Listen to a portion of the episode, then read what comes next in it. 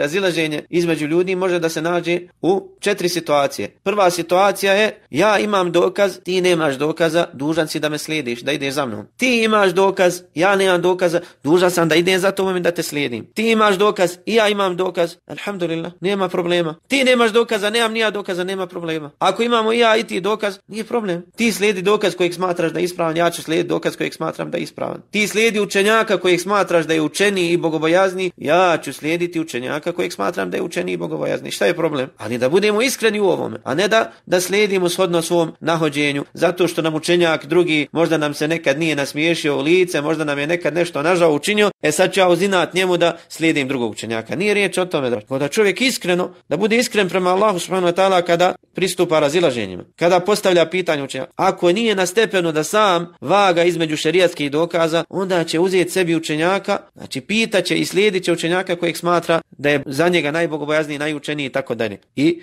time spada njegova odgovornost. Nema griha pred uzvišenim Allahu subhanahu wa ta'ala.